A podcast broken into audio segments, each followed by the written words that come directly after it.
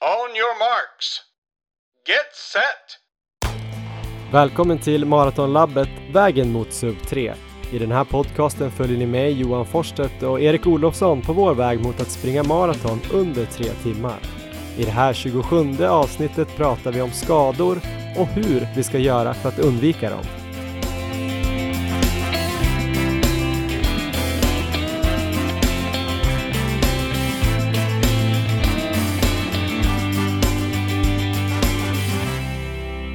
Morgon Erik Olofsson, hur är läget? God morgon Johan, jag är lite trött men annars är det toppen. Ja, det är ju relativt tidigt på morgonen, inte supertidigt, men eh, varför är du så här trött? Har du varit ute och sprungit eh, nattintervaller nu igen? Um, inte nattintervaller, men däremot så har jag varit ute och sprungit i natt faktiskt. Har du? Ja, så uh, lite, lite sömn är det jag lider av helt enkelt.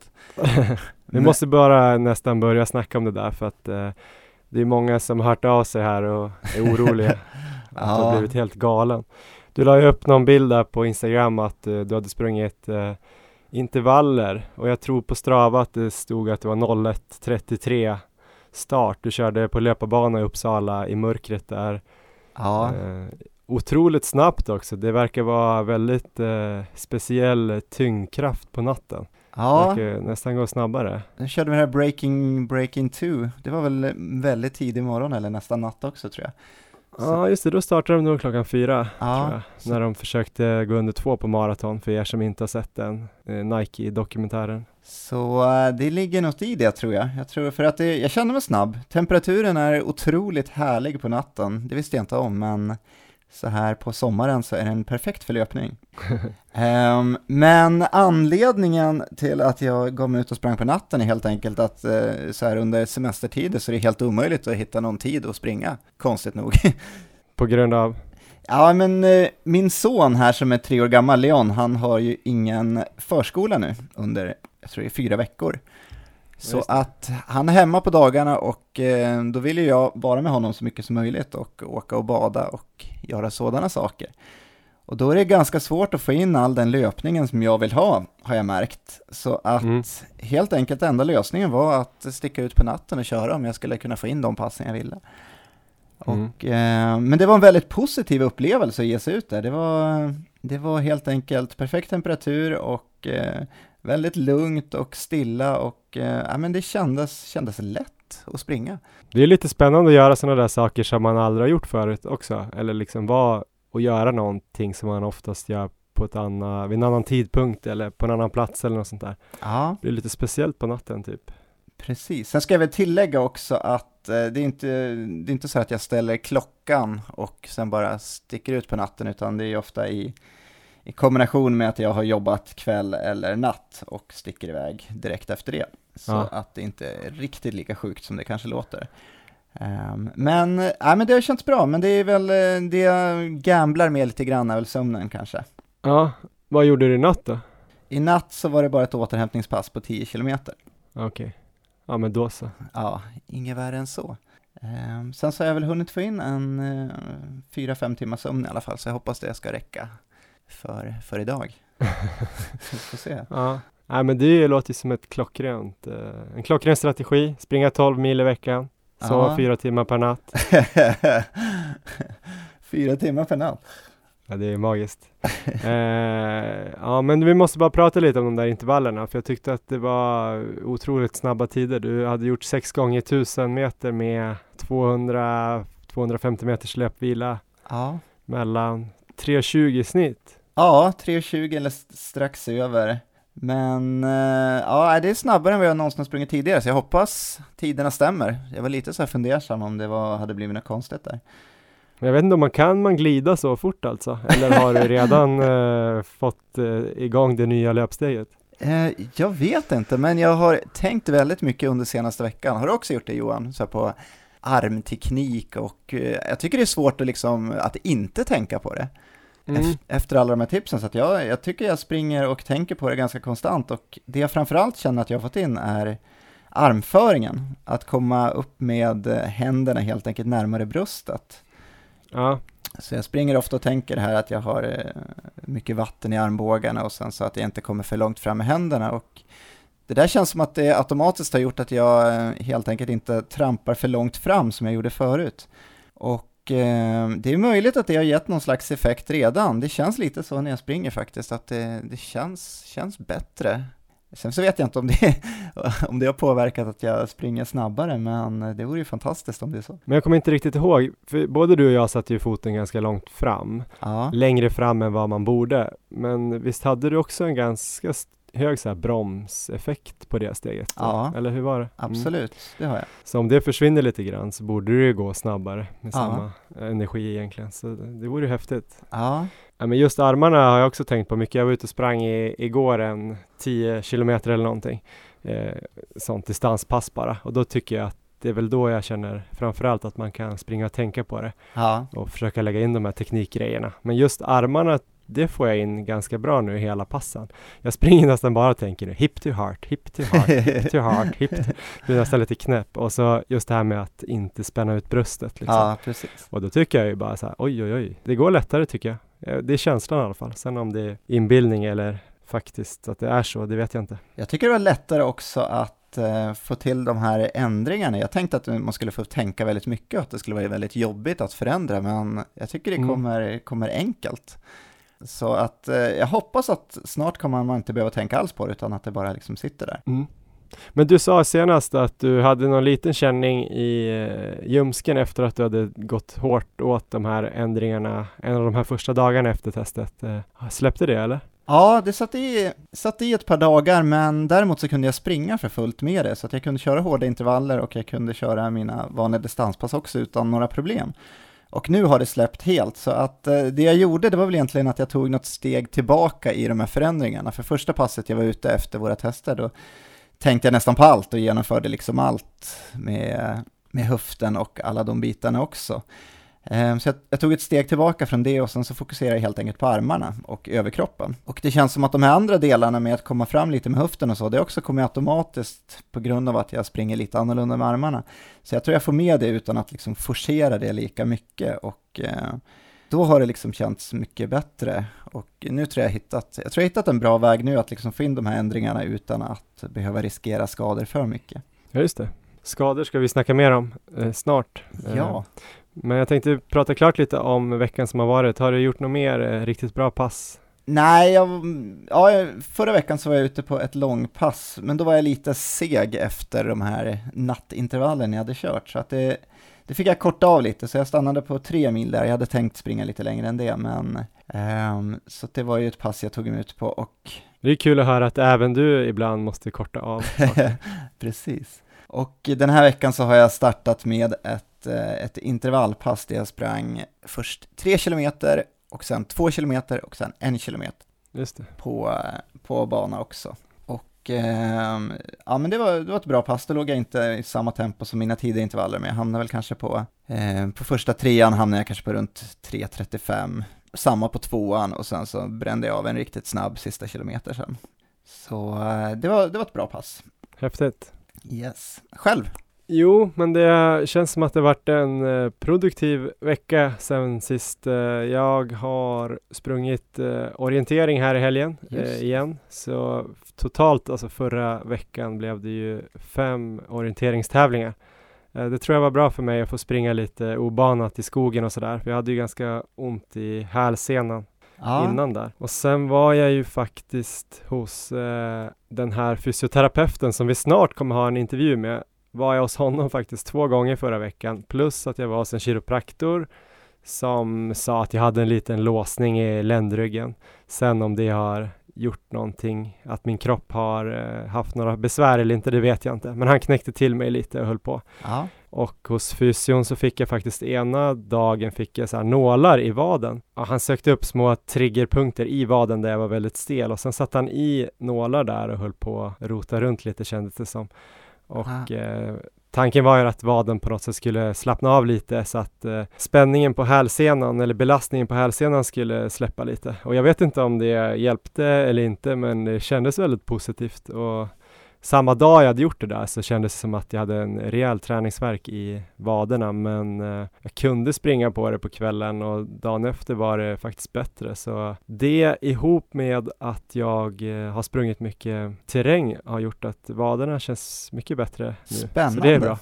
Ja. Var det första gången? Det var första gången jag fick nålar sådär. Ja. Eh, så ja, men det var intressant. Eh, som sagt, jag vet inte så mycket om det än, men eh, jag tyckte det kändes som en bra känsla i alla fall. Så det ska jag nog försöka igenom när jag kommer tillbaka till Stockholm. Nu är jag också på semester, så jag är uppe i Jämtland. Just nu sitter jag i mitt eh, barndomshem i Ås Härligt i farsans bibliotek och eh, på en liten pall här och eh, spelar in. Ja. Men när du varit ute och sprungit orientering nu, har du haft några känningar då överhuvudtaget? Eller liksom att hälseneproblemen har varit helt borta? Eller har du tänkt någonting på det? Nej, alltså jag har känt lite grann, det är ganska tunna skor som jag använder när jag springer orientering och så är de ju dubbar eller så ståldubbar så de blir lite så här slitiga om man springer på typ asfalt eller hårt packat grus. Eh, så till så här starten kan det ofta vara eh, någon sån lite hårdare väg att springa. Då har jag känt av det lite grann i början men sen när jag väl springer ute i skogen eller på fjället som jag gjorde nu i helgen så då känner jag inte av det överhuvudtaget för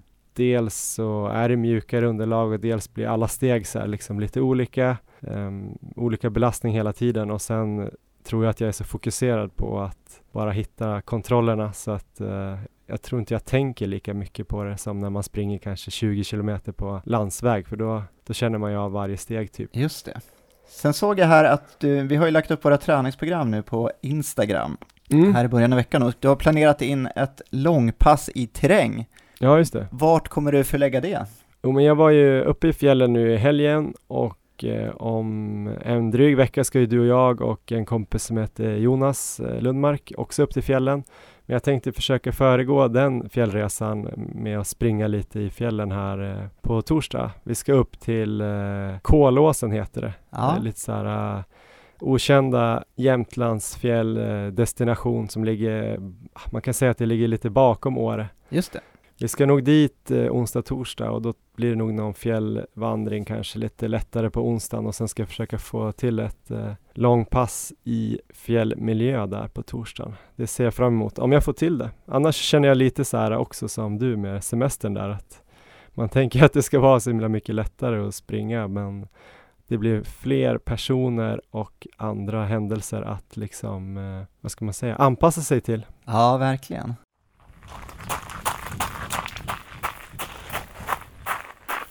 Ja, men det låter ju som att båda två har haft ganska produktiva veckor där vi har tagit något litet, litet eh, myrsteg mot sub 3 i Frankfurt och eh, jag tror att det här veckans avsnitt eller veckans intervju som kommer handla om skador också kan hjälpa er som lyssnar och oss också att eh, hålla ihop ännu bättre och inte vara skadade, vilket kan göra att man tar ännu större steg mot ett mål.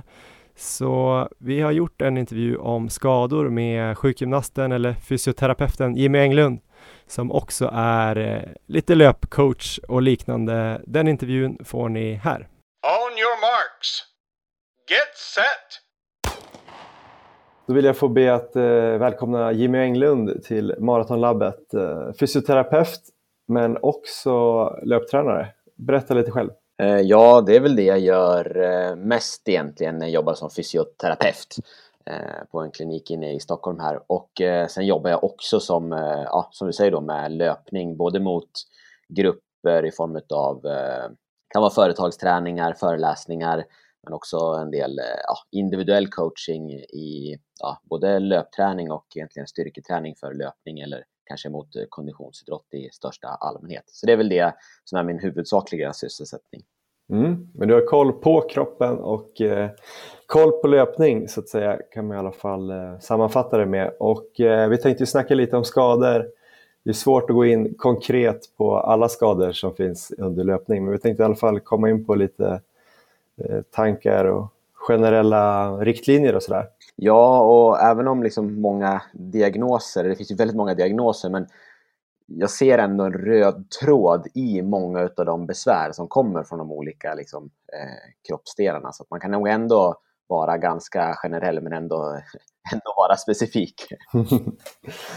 Jag tänkte först prata lite grann om, eh, om volymstegring, för det är väl ofta det, eller det är väl en, en faktor som ligger bakom många skador hos eh, löpare. Och vi som ska springa maraton under tre timmar har ju fattat att vi måste springa lite mer, eller borde springa lite mer för att klara det här. Och jag har ju höjt upp lite grann eh, nu under våren och eh, haft lite problem med hälsenorna som ju du vet eftersom jag har träffat dig och även lite i en höft. Men nu tänker jag öka, jag kanske ökat från 35-40 km i snitt till 50-55 och nu har jag tänkt att försöka öka kanske snittet ända upp till 70-75 här fram, fram mot Frankfurt i höst. Vad tänker du kring volymstegring? Eh, jag tänker bara återkoppla först kort till det här du sa i början av eh, eh, din framställan här. Det var ju det här att med volymstegringar och att det är ofta kanske någonting som ligger bakom många skador och det är ju faktiskt så att eh, nästan alla skador som kommer inom löpning, det är ju överbelastningsskador. Mm. Som har gjort att vi, vi, har tränat mer än vad kroppens eh, leder och eh, senor eller strukturer egentligen klarar av. Så nästan allting är överbelastning. Det är sällan traumatiskt, alltså du får en smäll eller ramlar och slår dig eller någonting. Och med det sagt då, så naturligtvis volymstegringar eller volymen löpning, det är ju det vi faktiskt gör. Alltså har vi tränat för mycket, fått en överbelastning, så har vi ju någonstans eh, volymen vi kan titta tillbaka på.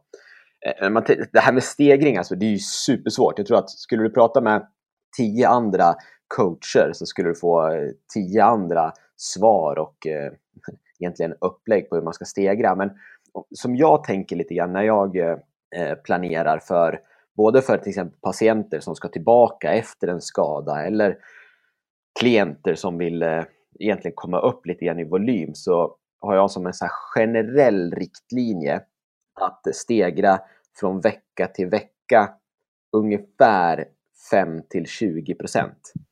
Mm. Det är ganska stort, eh, stor skillnad där, för det beror lite grann på om det är patient eller klient, om man har skada eller inte. Men så säg runt 10 procent från, från vecka till vecka Gör man det kanske tre veckor i rad, ja men då kommer det som en återhämtningsvecka, till exempel vecka fyra, där man kör en halverad eh, volym, ungefär. Från veckan innan då? Eller? Ja, precis från det som var veckan innan då. 50 eh, 70 procent av den volymen kanske. Och sen möjligtvis börjar man om med de här stegringarna igen. Och det är ju förutsatt att kroppen mår bra i de här stegringarna, att man inte får ont någonstans eller känningar eller besvär. Och så jobbar jag ungefär boken Pulsträna av Jonas Gustrin, där föreslår han eh, 3 till 10% per vecka eh, och att man har kanske två uppbyggnadsperioder under ett år där de är kanske 8 till 12 veckor eh, per sina uppbyggnadsperiod. Och så stegrar man liksom, ja, 3 till 10% från vecka till vecka under de perioderna och sen försöker man att ligga kvar eller ligga lite, lite under det. Liksom. Så ungefär där någonstans brukar vi prata om att de ska ligga.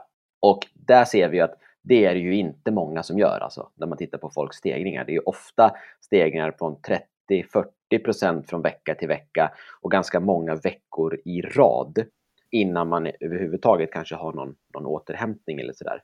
Ja, hoppen blir ju Alltså det blir lika samma procent, men det blir ganska stora hopp i kilometer ju högre man kommer också. Sen är man ju såklart lite mer van då, men, men det blir ju rätt mycket. Ja, och sen är det ju väldigt mycket så här, ja men om, det, om du ökar 3, 4, 5 procent då säger vi på, om du redan ligger på 50-60 kilometer, så säger det blir ganska många kilometrar. Men det är också mm. lite grann så här, okej, okay, men hur, eh, hur många kilometer kommer jag öka per pass? Är det på, på långpasset lägger alla procenten där? Det kanske inte funkar. Nej. Och är det, hur mycket gör jag i, i fart? Alltså hur många fartpass kör jag? Det gör ju också att jag inte kan öka procenten lika mycket. För ökar jag farten eller fler, mer tid i högre fart, då kanske jag inte kan öka volymen på samma sätt. Så att det spelar ju också in. Och vecka till vecka, ja, det är också så här, kroppen fattar ju inte vad som är en sju dagars period. Den fattar Nej. ju liksom belastning över tid. Så, man, så det, här, det är därför det här blir liksom generella riktlinjer som man kan ha med sig över en träningsplanering över längre tid. Liksom. Men om man eh, försöker sköta den här stegringen eh, så snyggt som möjligt så tänker jag att man inte bara ska stegra utan man kanske kan göra saker för att inte få de här skadorna. är det liksom styrketräning, rörlighetsträning eller behandling man skulle kunna jobba med för att eh, ja, låta kroppen må ännu bättre? Jag skulle säga att de tre viktigaste sakerna eh, för att eh, kunna liksom öka i den takt man vill öka eller kanske lite snabbare än vad man, än vad man borde då. Eh, det är nummer ett att jobba på sin återhämtning. Mm. För att träna mycket, det är inte jättesvårt. Eh, särskilt inte om man tycker att det här är ganska roligt och får en kick av det här. Då är det svårt att återhämta sig. Så det skulle jag säga är kanske det absolut viktigaste. Och med återhämtning, då menar jag eh, antingen att man har återhämtningsveckor eller återhämtningsperioder, men att man ser till att man har man sover tillräckligt många timmar per natt, att man äter bra näringsriktig mat, att man inte stressar för mycket, att man ser till att man har en andning som är liksom lugn, avslappnad och rytmisk under dagen. Alltså den typen av, liksom, av återhämtning. Eh, mm. och sen rörlighetsträning. Alltså se, se till så att vi har full rörlighet eller så god rörlighet som möjligt. Och då kanske framförallt i fotled. Eh, fotled och fot egentligen, för det är ett område där vi ofta har för dålig rörlighet. Sen att vi har rörlighet i höfterna. Att vi har både, man ska säga, att man kan sträcka och böja eh, fullt i höften och att man kan rotera lårbenet i förhållande till, till höften. Det är så viktiga områden att vara liksom rörlig i vad det gäller led. Och sen eh, naturligtvis i bröstkorgen. Alltså mm. så att vi kan, dels att vi kan, när vi springer så blir det en liten, liten rotation i, i bröstkorgen när vi springer, men sen också när vi andas så behöver vi kunna vidga bröstkorgen så mycket som möjligt. Och bröstkorgen blir ofta begränsad i sin rörlighet, dels i det stressade samhälle vi lever i, men också i och med att vi sitter eller är väldigt mycket still, att vi inte utnyttjar vår, vår bröstkorgsrörlighet under dagarna. Liksom. Så de, tre, de två sakerna skulle jag säga är viktigast. Återhämtning, rörlighet, men också naturligtvis styrketräning. Mm. Att man tränar de här eh, lederna och senorna framför allt som ska utsättas för den här belastningen som löpningen innebär. Och att man tränar eh, muskulatur som ska hjälpa oss att hålla en bra teknik. Så att vi kan, mm. För den goda tekniken är ju i sig skadeförebyggande. Så att eh, se till att man boostar sin återhämtning, jobba på din rörlighet i fot, höft, bröstrygg och styrketräna de leder och muskler som utsätts för belastningen med löpningen. Finns det några, om du bara skulle ta ut typ en övning per, eh, per område där som du pratar om, fotled, höft, eh, bröstrygg, eh, om man vill ha en quick fix. Löpare är ganska ja. lata när det gäller de här andra övningarna än att bara springa. Eller jag kan inte tala för alla, men jag själv. Vad skulle det kunna vara om man bara skulle slänga med någon övning? Man har ju sett i många studier på amatör-elit eller gränsen mellan att man är liksom eh, full, fullt utvecklad elit och nästan elit, att drar man ner på volymen löpning lite grann och adderar styrketräning istället så har de flesta fått eh, bättre effekt i sin löpning också, ökat sin prestation trots att de har sprungit mindre. Så att känner man sig bara lat, ja då får man ju ta, få tummen ur bara. Och är man rädd för att man inte ska få lika bra löpresultat, då kan man vara ganska trygg i att ta bort ett löppass och styrketräna det passet istället. Om du inte redan kör styrketräning så så kommer du ändå få eh, bättre eh, tider på, på loppen framöver. Men vad det, gäller, vad det gäller träning för de här uh, områdena, om vi tänker då som fotled, mm. alltså det är egentligen runt vaden då som vi behöver, behöver träna i och hälsena. Och om man gör tåhävningar så är det naturligtvis bra att man ligger på 10-12 repetitioners maximum tåhäv för att bygga liksom styrka i, i vad och hälsena. Men om man har jobbat med det en tid så tycker jag att det är minst lika viktigt att jobba med, man skulle kunna säga som en explosiv tåhävning. Att man står på, på golvet istället för ett trappsteg, eh, fortfarande gärna på ett ben. Och sen gör man snabba tåhävningar på golvet. Eh, lite, lite, lite fjädrande nästan. Det är lite mer så som vaden och underbenet jobbar när vi springer, inte i en långsam tåhävning. Så att mm. uthålligheten på det sättet kan också vara ganska bra att och träna. Där brukar jag säga att man ska klara tre gånger 80 sådana snabba explosiva tåhävningar på, på varje sida eh, för att vara godkänd. Liksom. Sen vill man gärna vara väl godkänd eller mycket väl godkänd. För godkänd, väl, för godkänd 3 gånger 80 ja. Det är inte så lätt kan jag säga. Jag är inte där. Nej. Jag är, jag, är, underkänd. Den är ganska tuff och det är egentligen liksom 30 steg du tar där liksom, på ena benet. Och du, på ett maraton ska du ta betydligt fler. Så att, eh, viktig övning för dig att träna. Mm, mm. Eh, så det tycker jag är en viktig övning. Och sen eh, eh, när vi kommer upp till, eh, till höften, så egentligen sånt som tränar rumpa och rumpans förmåga att eh, räta ut höften är viktig. Eh, där skulle man kunna ta två exempel. Som ett utfall till exempel är superbra för eh, du får med hela låret, du får med mycket kring höfterna, du får med rumpan. Men den övningen är liksom i princip som jobbigast när man är i, i botten utav rörelsen. Eh, då är höften böjd. När vi springer så behöver vi vara stark när höften är rak. Så om vi tänker oss en glute bridge eller ett höftlyft av något slag. Eh, Mm. När du ligger på rygg med, med, med knäna lite böjda och fötterna i marken och så lyfter du upp rumpan lite i vädret. Den typen av övning är ganska nyttig att ha med i, i träningen också. För då tränar du på att vara stark med höften rak. Och den kan man ju göra svårare på många sätt. Man har ett ben i marken, man har ett ben uppe på en steppbräda. Du kan ligga med skulderbladen uppe på en sån här gymbänk eller någonting. Mm. Du kan lägga en, en viktskiva eller en stång eller någonting över höfterna så att du får lite, lite mer motstånd. Det skulle jag säga är en ganska bra övning för, för den delen. Och sen att träna bålstyrka. Alltså eh, styrka och uthållighet i, i bålen egentligen. Alla varianter. Särskilt om du inte kör någonting idag. All bålträning är i princip bra bålträning då. Mm. Så då är det tre övningar egentligen. Får få in det, minst det varje vecka. Mm. Men jag tänkte just eh, skador då. Vilka är de vanligaste skadorna på lite mer erfarna löpare? Jag har ju haft eh, några eh, hälseneproblem, höfter, jag har haft löparknä. Ja, du, är, du är en riktig klassiker du.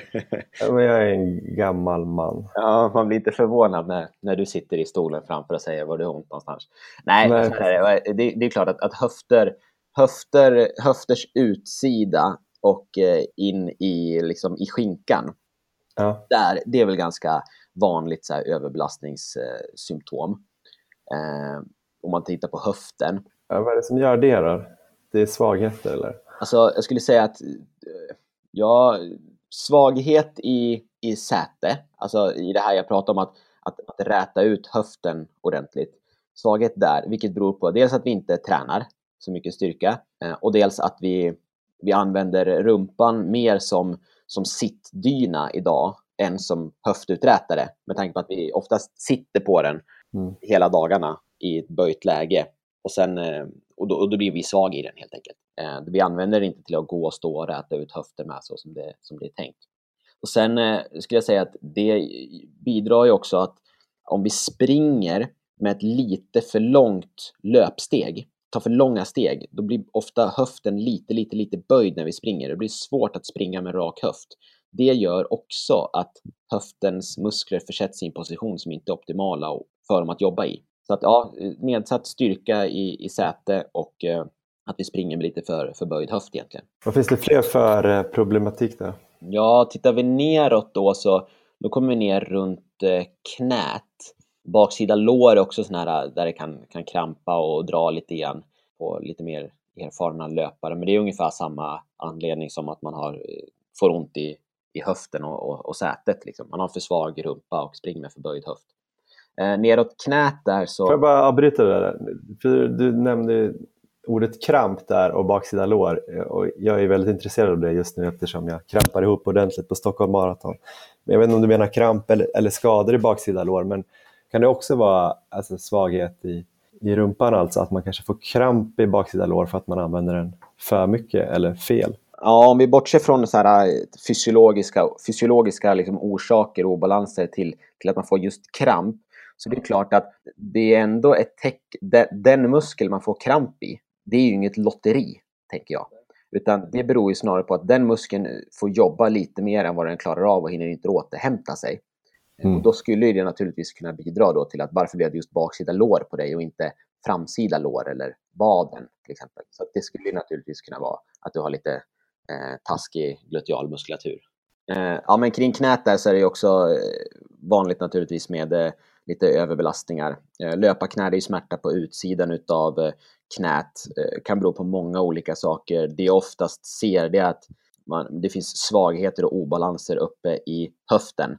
Men just löparknä är en sån här diagnos som är kan bero på väldigt många olika saker, smärta på utsidan utav knät. Så att det är så svårt att säga, det ska man träna och det beror på det här, för det kan komma från foten, väldigt uppenbart, det kan komma från svaghet i sätet, det kan komma från obalans i vilka muskler man använder kring höften. Så att där nördar vi inte in oss mer tycker jag, men eh, liksom trötthet kring, kring knät och så där är ju ganska vanligt att man liksom eh, generellt så här, lite ont under knäskålen, lite ont runt omkring. Men det är typ nästan bara beroende på att man har tränat lite för mycket under en period.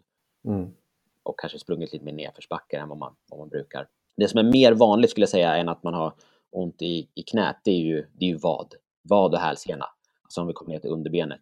Att man får liksom, liksom nästan som, som kramp eller känsla av att man har en bristning i vaden, mitt på vaden. Det brukar vara det område där muskeln övergår i, i sena.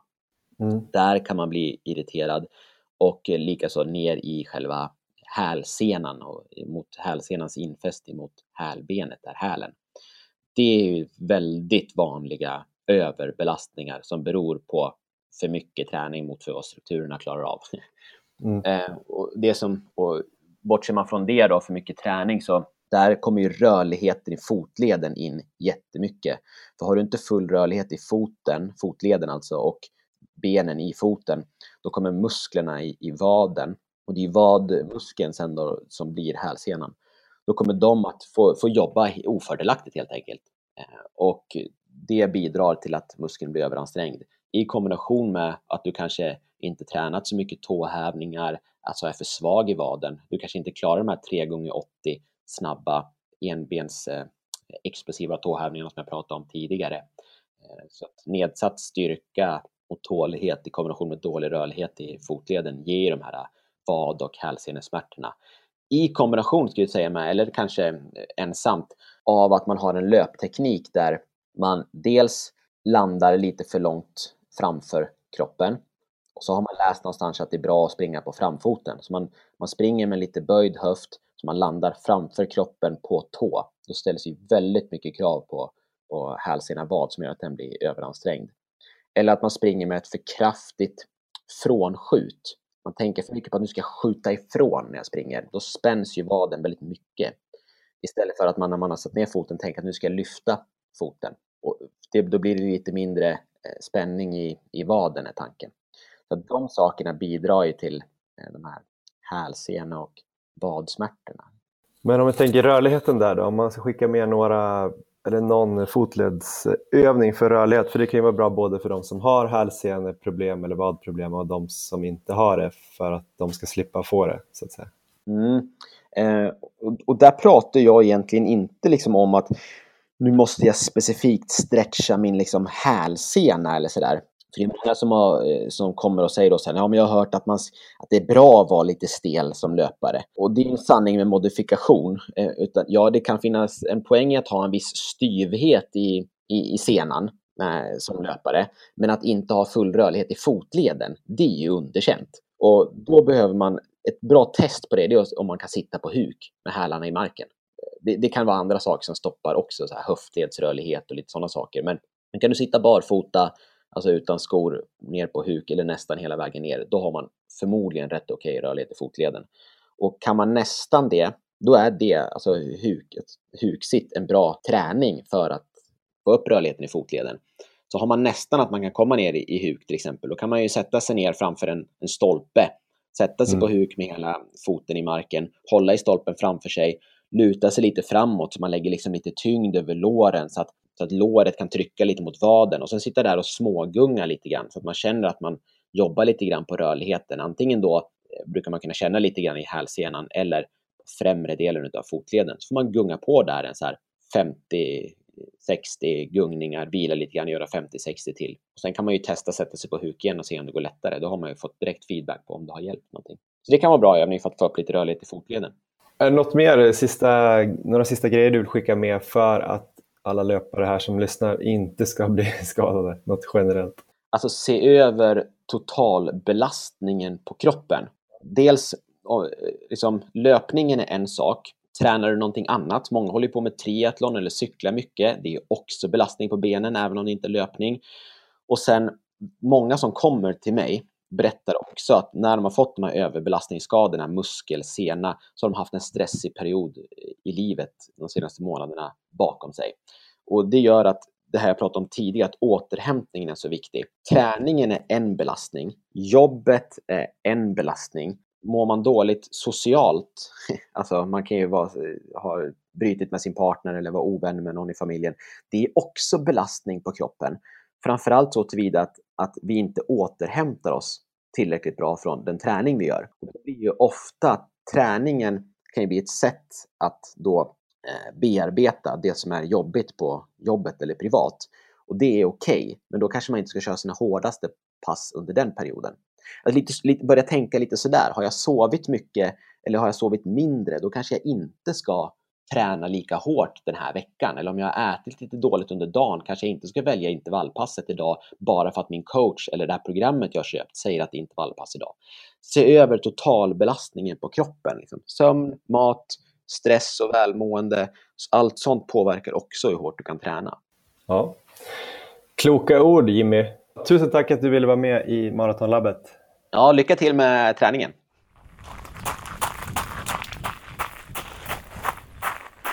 Ja, men det där var alltså en intervju med Jimmy Englund, fysioterapeut eh, i Stockholm. Eh, Erik Olofsson, hur har du det med skador, du som glider fram? Ehm, för tillfället så känns det väldigt bra måste jag säga. Och eh, under året, om vi ska sammanfatta det, så har jag inte haft några problem egentligen alls. Och de små problem jag haft är just när jag testar någonting nytt egentligen. Om det var någon ny övning för styrketräning eller liknande så har jag missat någon vecka. Mm. Det var i början av året, men eh, så just nu så känns det väldigt bra.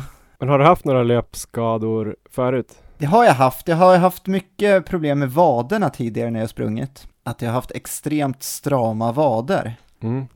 Um, så det är ju definitivt ett problem jag haft. Och nu får jag besök här. God morgon Leon. Hej! Vill han också vara med Jag tror podden? det.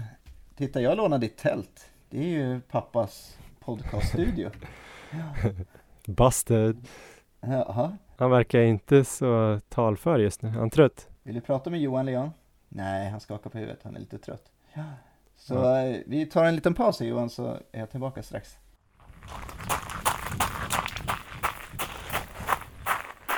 Ja, men då är vi tillbaka efter Leons eh, gästinhopp. Eh. men vi pratar nog om dina vader tror jag, dina gamla gubbvader som du hade, eller vad det var? Stämmer, stämmer.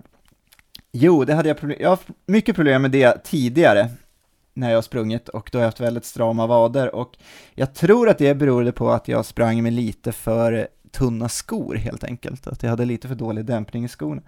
Det är min teori i alla fall.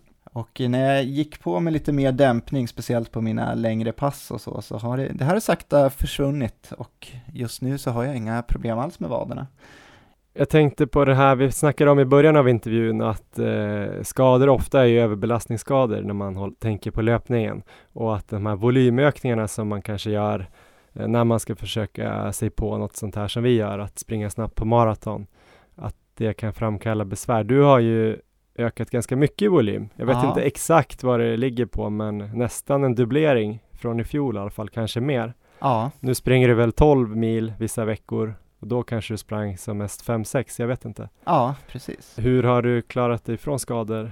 Jag har ju stegrat, stegrat ganska långsamt ändå under en ganska lång period, så att det är inte så att jag har lagt på flera mil i veckan, utan det har nog kanske varit en, max en mil i veckan som jag har ökat på och så har jag under vissa veckor också stannat upp och kört på samma.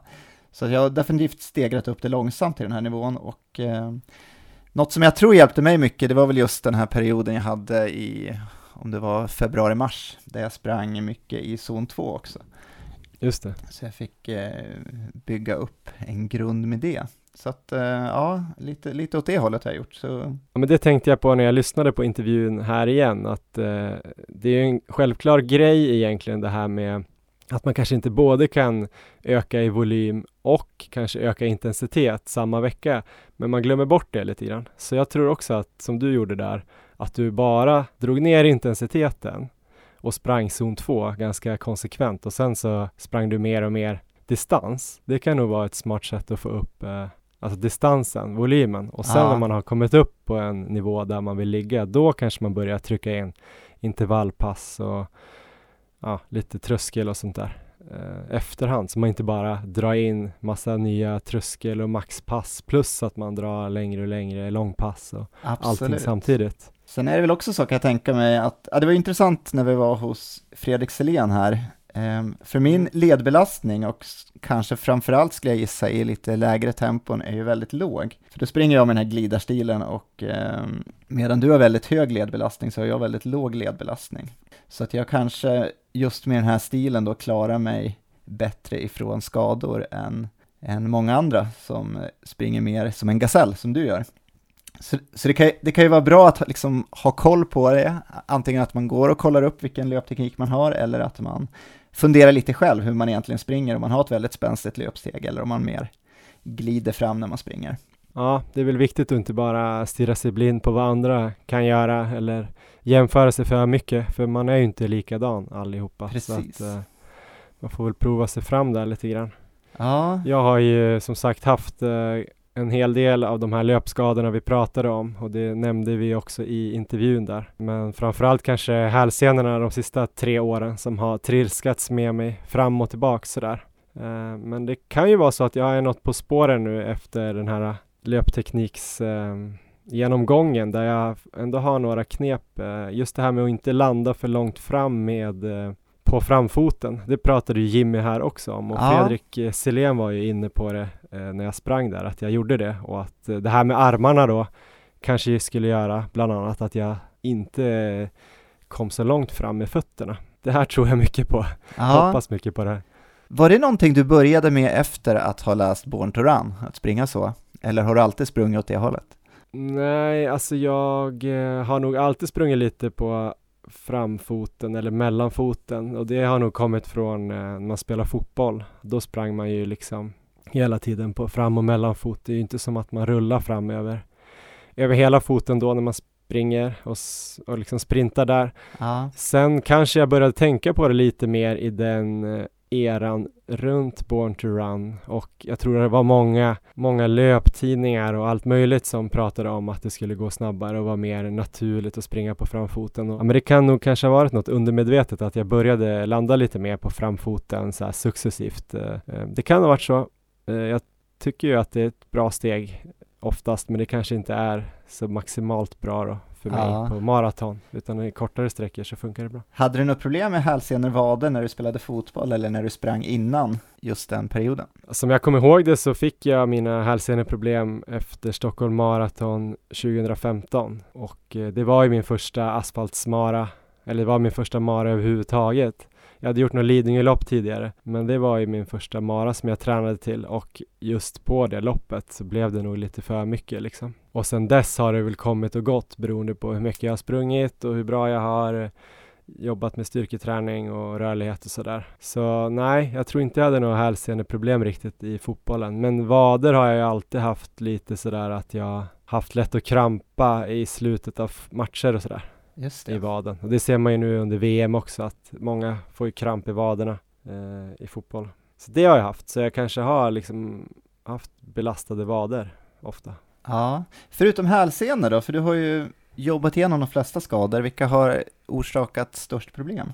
Svårt att säga, jag tror att eh, jag hade ju löparknä en liten period, det var när jag fortfarande spelade lite fotboll. Eh, men då hade jag nog börjat springa och trappat ner lite med fotbollen och att jag hade något så här löpmål också vid sidan om. Det gjorde ju att man inte kunde springa i princip. Men det var så konstigt att jag kunde spela fotboll helt eh, utan problem. Men när jag sprang till eller från träningen om jag gjorde det så kunde jag knappt till slut springa liksom en kilometer utan att det gjorde så jäkla ont. Men då stoppade jag väl upp och eh, ja, jag körde mycket foamroller på den här senan eh, på sidan av låret som kan vara sträckt eller spänd där. Just det. Och eh, stretchade den och det gav med sig efter typ en månad. Det var ju liksom just när det var som värst så var det nästan värre än hälsenorna. Men eh, däremot så tyckte jag att det försvann ganska snabbt när jag väl tog tag i problemet och eh, sen har det aldrig kommit tillbaka. Så att Ja, är det någonting du har fortsatt med, foamrolling? Som du kör ja. i förebyggande syfte eller? Ja, jag har en foamroller hemma i Stockholm men jag har inte haft den i Paris så jag kör lite grann då och då men inte konsekvent. Jag ska nog börja köra den på vaderna har jag tänkt för att eh, ha vaderna uppmjukade för att ja, då dämpa belastningen på hälsenorna har jag tänkt. Men du kör en del va? Ja, jag har kört en del, egentligen utan någon så här direkt plan eller tanke med det, men jag har sett att väldigt många duktiga löpare använder foamroller mycket. Så att jag har gjort lite, lite efter passen så här och det är ja, ganska skönt ändå att eh, sitta och eh, köra med den lite då och då. Kör du bara på känsla eller har du något så program där du går igenom kroppen på något sätt? Nej, jag kollar lite övningar helt enkelt och eh, jag brukar köra lite vader, baksida lår och eh, ja, just sidan på låret också så att säga upp mot höften. Så jag har lite övningar som ska vara bra, men inte någon så här speciell tanke eller program eller någonting individuellt anpassat för mig själv, för jag har inte direkt haft några känningar heller, utan men eh, det ska ju vara bra, så att jag, jag, hoppas ändå att det kanske hjälper på något sätt. Det lär i alla fall inte vara dåligt, förutom att det eventuellt tar lite tid, men det, det är nog bra vi. att mjuka upp kroppen. Ja. men gör du någonting annat för att eh, slippa skador? Nej, egentligen inte, utan det är väl, eh, alltså det jag börjar tänka mycket nu på då är ju att få in, eh, få in lugnare pass eller vila mellan, eh, mellan de här kvalitetspassen så att jag inte lägger in två kvalitetspass två dagar i rad eller för nära varandra om jag känner mig lite sliten. Utan få in vilan mellan kvalitetspassen också så att jag inte belastar kroppen för mycket. Mm. Och eh, nu då har vi fått lite övningar av eh, Fredrik Selén, du var ju rätt stel i, ja. i framsida lår och höfter och sådär. Eh, nu har du inte haft något problem riktigt då, just eh, skademässigt. Däremot kanske din effektivitet skulle kunna bli bättre i själva löpningen, men eh, vågar du börja köra hårt med både de där rörlighetsträningen och styrkan som vi fick? Eller är du rädd att du ska sabba något som redan fungerar så att säga? Jättebra fråga. Um, jag, jag har vågat börja med det och jag har börjat jobba en hel del med de övningarna jag fick. Det var ju framförallt höftböjarmusklerna och eh, framsida lår som jag behöver få upp rörligheten i. Och det har jag börjat jobba med nu, men jag är samtidigt lite orolig att liksom gå in och börja mixtra för mycket med det, men samtidigt så ser jag värdet i att eh, få till den här rörligheten som så pass högt att jag kommer nog verkligen försöka jobba ganska mycket med det här. Um, och eh, Sen så får jag väl backa tillbaka lite om jag börjar få någon slags känningar också. Sen har jag, jag har haft extrema skadeproblem tidigare. Jag har ju gjort tre stycken korsbandsoperationer på mina knän.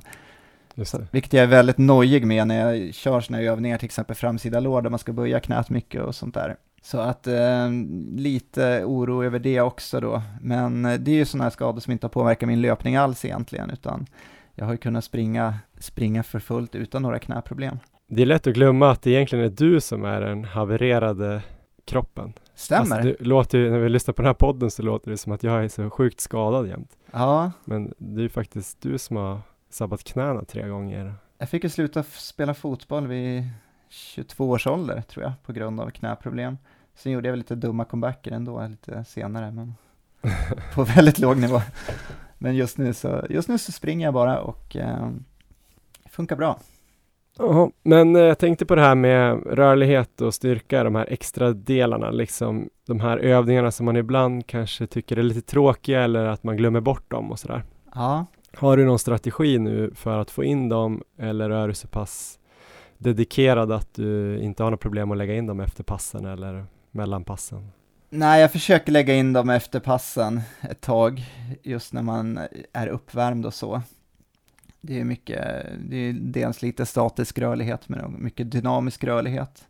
Och eh, det känns ju bra att när man är uppvärmd att man kör på lite. Så jag, jag försöker lägga in det efter mina återhämtningspass helt enkelt. Och jag hamnar väl ändå på en tre eller fyra återhämtningspass i veckan, så det blir en, kan jag få in det regelbundet så får jag in mycket rörlighetsträning där. Och sen mm. får jag väl, får väl ha tålamod, för det kommer väl ta ett tag innan jag kan se några resultat gissar jag, men eh, planen är definitivt att köra på hårt med det här, för jag tror det kommer kunna göra stor skillnad. Och sen så får jag backa tillbaka lite om jag får någon slags känningar eller skador.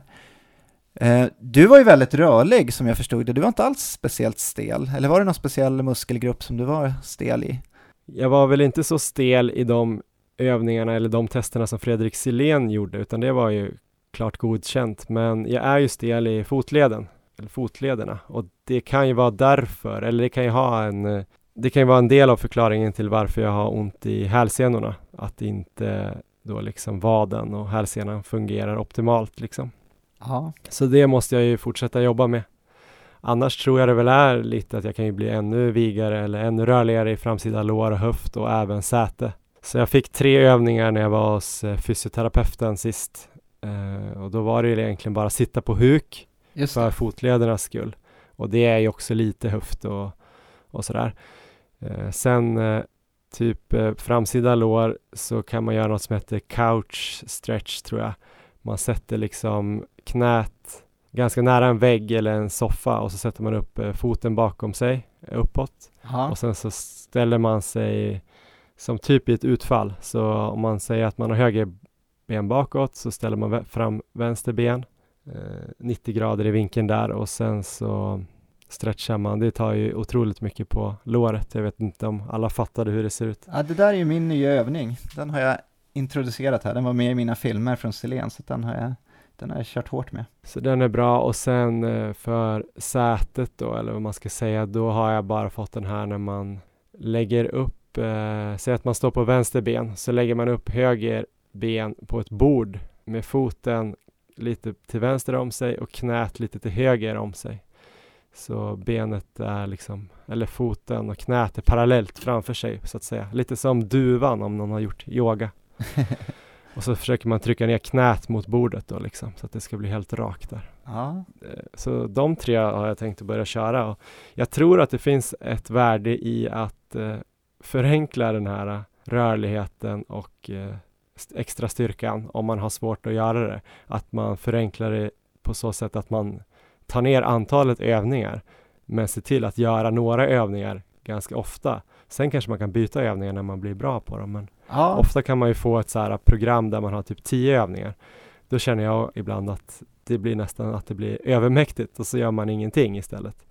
Så jag tror på kanske att ha, eller att man kanske jobbar med låret i två veckor ganska mycket och så gör man de här andra övningarna någon gång då och då för att inte tappa. Och så tar man lite steg i det här med låret och sen eh, efter två veckor kanske man byter och kör ganska hårt med fotlederna men man gör låret någon gång då och då. Så Det tror jag är jättebra tips, för då kan, tror jag man kan bli mer motiverad också att fortsätta med det. Kanske om man inte ser Ja. så stora ändringar på en gång då, att man lägger ner helt med det. Ja, men eh, det är ju väldigt viktigt att vi håller oss skadefria liksom. Ja. Och eh, vid förra inspelningen så var jag faktiskt lite så här, oj, undrar hur det här kommer gå med hälsenorna. Det här kan bli svårt. Nu känner jag mig mycket mer eh, peppad redan efter en vecka, så det kan ju gå fort åt något håll om man gör rätt saker. Men vi måste ju hålla oss skadefria för att klara sub 3 om 16 veckor är det nu va? Ja, ah, det närmar sig.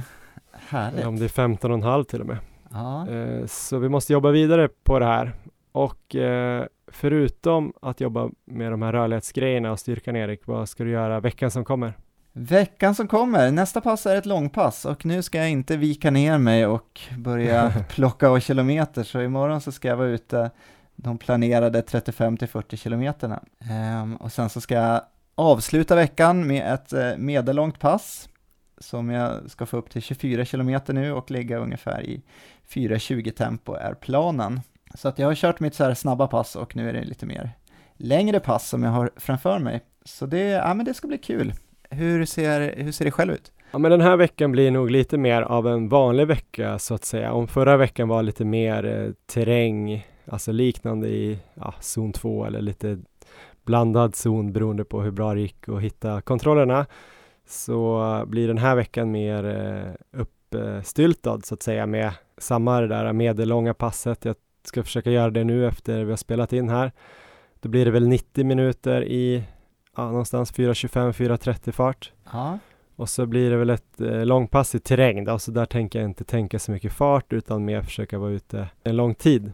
just det.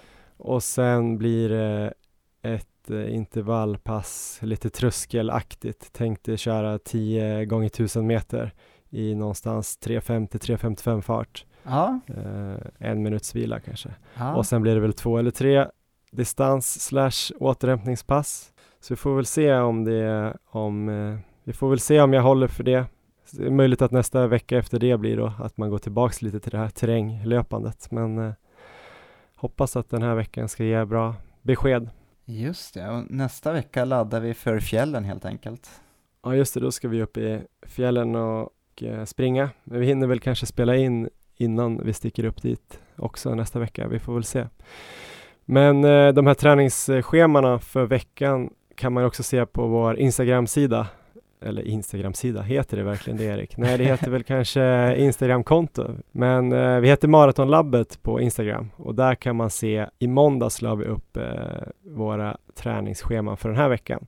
Och sen kan man ju gå in på Strava då och kolla om vi faktiskt har gjort det vi skrev. Eh, för där lägger vi upp eh, våran löpning. Ja. Johan Forsstedt och Erik Olofsson. Det är väl inte så mycket mer vi har att säga om det utan att vi får fortsätta gnugga för att eh, våra mål ska nås och drömmen ska bli verklighet och sann.